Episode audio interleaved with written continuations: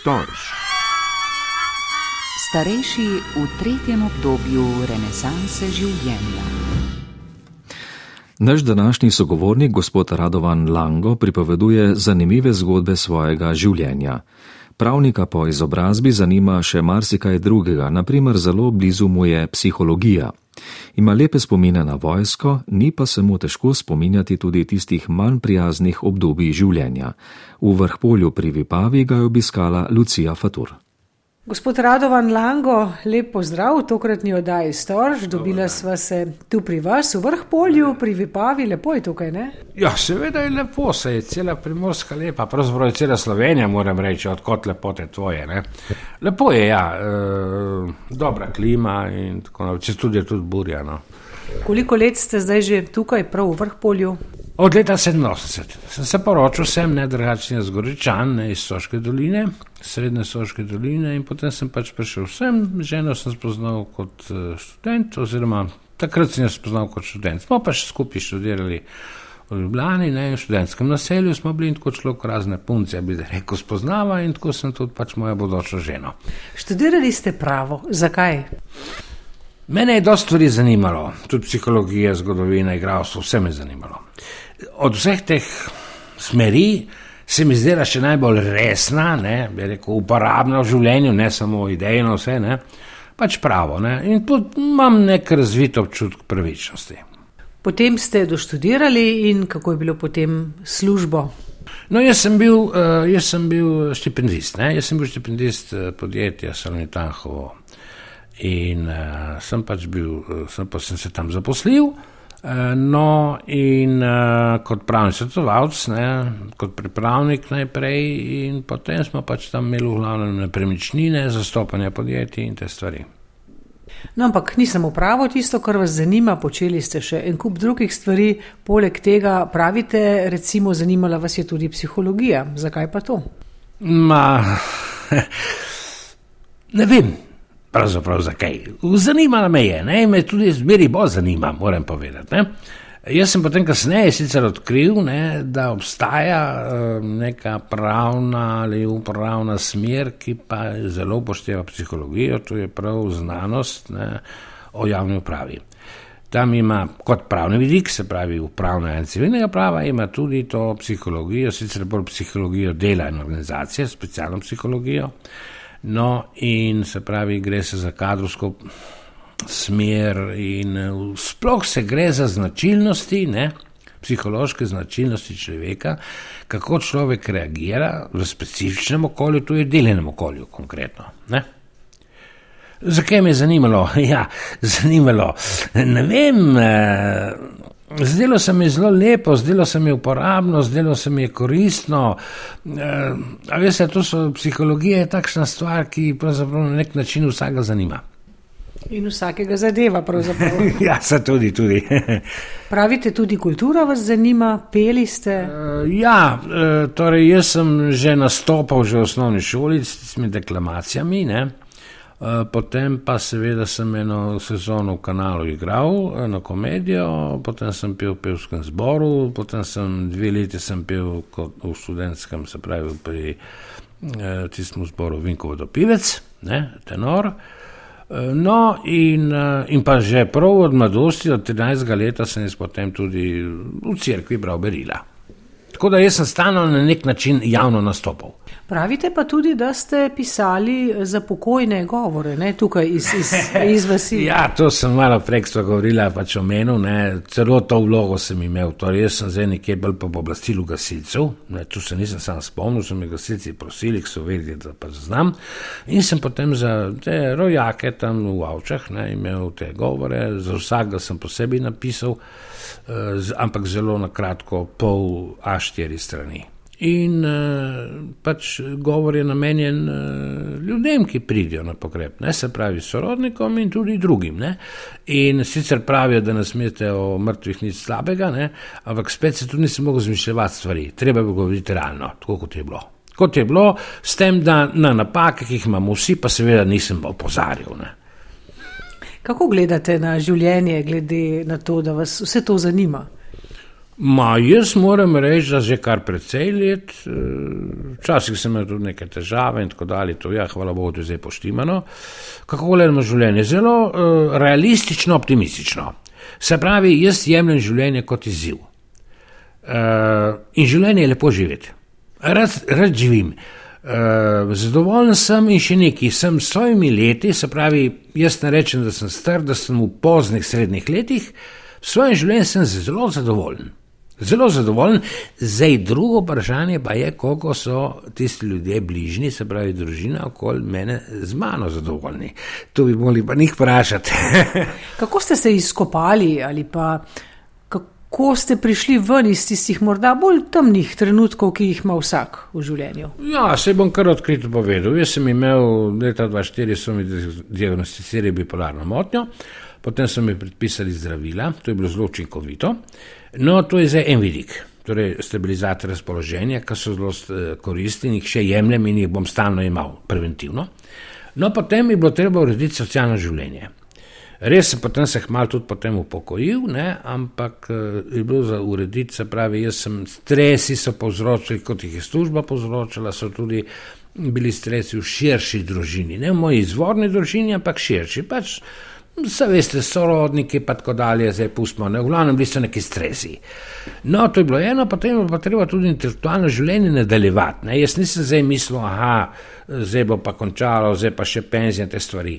Ne, jaz sem se potem lotil, ko sem že omenil, prav to področje javne uprave. Jaz sem zdaj, kar je v slovenščini, več eno vso literaturo prebral in se mislim celo nadaljno študirati, uh, jaz mislim tudi o tem pisati. Navezal sem stike z razno raznimi profesori v Ljubljani, ne, se pravi, mislim, da se socialno mrežo zelo razširil in uh, to počnem rad. In še to moram povedati, kdo me je z javno upravo kot znanostjo zastrupil. To je bil pokojni profesor France Bučar. Ko sem prebral njegov učbenik, v javno upravo iz leta 1969 in ki sem ga kasneje tudi v enem antikvariatu najdel, uh, sem se zastrupil. Sem rekel, jaz se moram s tem ukvarjati, ker se nisem službeno ukvarjal, ker sem bil pač v industriji, se pa zdaj. Se pravi, ne bom zdaj vam citiral naslov svojega dela, ki ga bom napisal, ne, v glavnem tikalo se bo uradništva. Kako to, da vas to tako zanima? Kaj je zanimivega v tem? Ja, vsekakor je, če malo diplomatsko odgovorim, eh, zanimivo vprašanje. Uh, zakaj me zanima? Veste, mene vse, kar je s človekom, zelo zanima. Me zelo zanima. Recimo, zavedam se pomena inteligenčnega kocijenta, torej neki pameti, bi rekel, ne, neki razuma, mora človek imeti, ne, saj poprečno. Ampak ne samo zato, da to, mora imeti tudi neke čustvene inteligence, ne, se pravi, ki je zelo pomembno, da pravi, da inteligenčni kocijent ne more priti do pravega izraza, če ni čustvene inteligence. Nekdo je lahko zelo intelektualno sposoben, v življenju pa zelo neučinkovit prav zaradi pomankanja čustvene inteligence, ampak moram podariti še tretjo inteligenco, to je pa duhovna inteligenca. Namreč, a se človek vidi v tem svetu, a se vidi, a se vidi v vesolju, zakaj živi, a si postavlja osnovna filozofska vprašanja, ki so lahko rečemo tudi verska, ampak a si postavlja ta vprašanja. A veste, človek more na kratko rečeno osmisliti svoje življenje. Nekje mora videti smisel, zakaj živi. Se ne živi samo zato, da, da se prehranjuje, zato da stanuje, zato da, da ima družino, da ima prijatelje. To je vse lepo in prav, je prav, ne moramo imeti, imamo pravico do življenja, ampak tudi moramo vedeti, ma, pravzaprav v temelju, zakaj živimo. In mora človek odgovoriti na vprašanje, ali je to življenje samo to, ali obstaja drugo.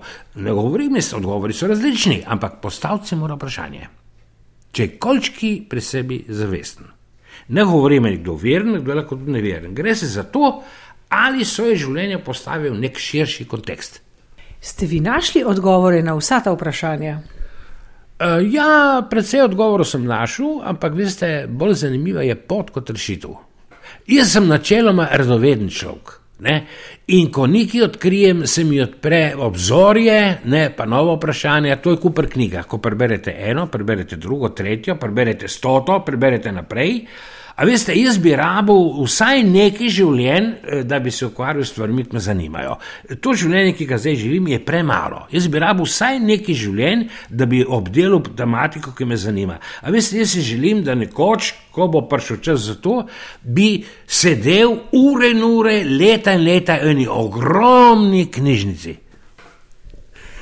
Ja, ta problematika bi bila zelo široka, ne? o psihologiji in pa o teh eh, skrivnostih življenja, skrivnostih življenja, o starih civilizacijah, ki me tudi zgodovina zelo zanima. Ne? In eh, sploh o človeku, ne, in tudi ali obstajajo v vesolju tudi eh, druge entitete, da tako rečem, da grem na to področje, ne, ali je samo človeški rod, ali so druge civilizacije pa, pa tam. In pa tudi me zanima tudi vloga angelskega sveta. Gospod Radovan, zdaj ste že nekaj let v pokoju. Ne, uh, ja, sedem let. Ja. Ja, ste že našteli kar nekaj stvari, oziroma kako vam takole dnevi minevajo. Ma, veste, uh, bom kar šel po vrsti. Uh, jaz sem pač te familijo, ne, oba otroka, torej hči in sin sta pač zaposlena, žena si je zdaj pred kratkim, zdaj s tem šolskim letom, ki je učiteljica upokojila. Uh, to je, gre se za hišno gospodarjenje, to se pravi razne nabave, te stvari, potem imamo vrt, potem se bomo zdaj še neke obnove v hiši lotili, neko hišno gospodarjenje. Potem, da so uh, prvi so pa odnosi, da se kako toliko lepi odnosi v družini, potem hišno gospodarjenje, potem so odnosi s prijatelji, ne, prijatelji in pa uh, socialna mreža. Ne, socialna mreža, to je pa potrebna socialna mreža. Ob vsem tem, s čimer se ukvarjam, in, ne, sem pa rad, da ste tudi sam. Toliko časa na dan moram biti sam. In imam zelo dobro družbo, to sem jaz sam. Takole novembra se že malce spogledujemo s koncem leta. Vam to kaj pomeni, naredite kakšen obračun? No, zdaj, ponavadi je tako, da se, se zaključkom leta nekako malo pregledamo, kaj smo v tem letu naredili, naredimo tudi načrte za naprej. Uh, To je neka koledarska razmejitev, se čas teče stalno, ne? ampak mi imamo razmejeno zaradi občutka, a veste, človek mora biti nekje v nekih strukturah. Se pravi, eh, vemo, da obstajajo štiriletni časi, zdaj zima je nekako temu namenjena, ne? zima ne? je tako temu namenjena, je zaključke enih štirih letnih časov in potem pred pomladjo naredimo načrte ne? in tudi narava zdaj počiva, ne? ljudje tudi na nek način tudi počivamo. In potem pa spomladijo pač eh, pride novo prebujanje, novo življenje in to se dogaja leto za letom. Še to moram povedati. Življenje sproti, sproti kako ga doživljam, zelo normalen tempo, zelo normalen čas, meni se nikamor ne mudi in tudi nikamor ne brzim. In čas mi teče v redu. Ko pa pogledam nazaj, se pa večkrat vprašam, pa kaj je že leto minilo? Kaj boste rekli za to leto, ko bo minilo 2022? Uh, jaz sem, a veste, uh, ko me vprašajo, uh, ko grem kaj v trgovino, pa me trgovke vprašajo, klepetam z njimi, uh, kako se kaj, kako ste? Zmeri bolje. Zmeri bolje, ker jaz verjamem, ne, ker je tudi neko zakonitost, ne, v kar človek verjame ne, in v kar je prepričan, da je, se mu tudi večkrat na zmeri zgodi. Se pravi, če iščemo dobro, ga najdemo, če iščemo slabo, ga tudi najdemo. Želim vam vse dobro še naprej. Ja, hvala lepa. Jaz se bom trudil po najboljših močeh in upam, eh, prvenstveno upam tudi tle, eh, da me bojo že drugi opozorili, ko bom pretiraval. Storž.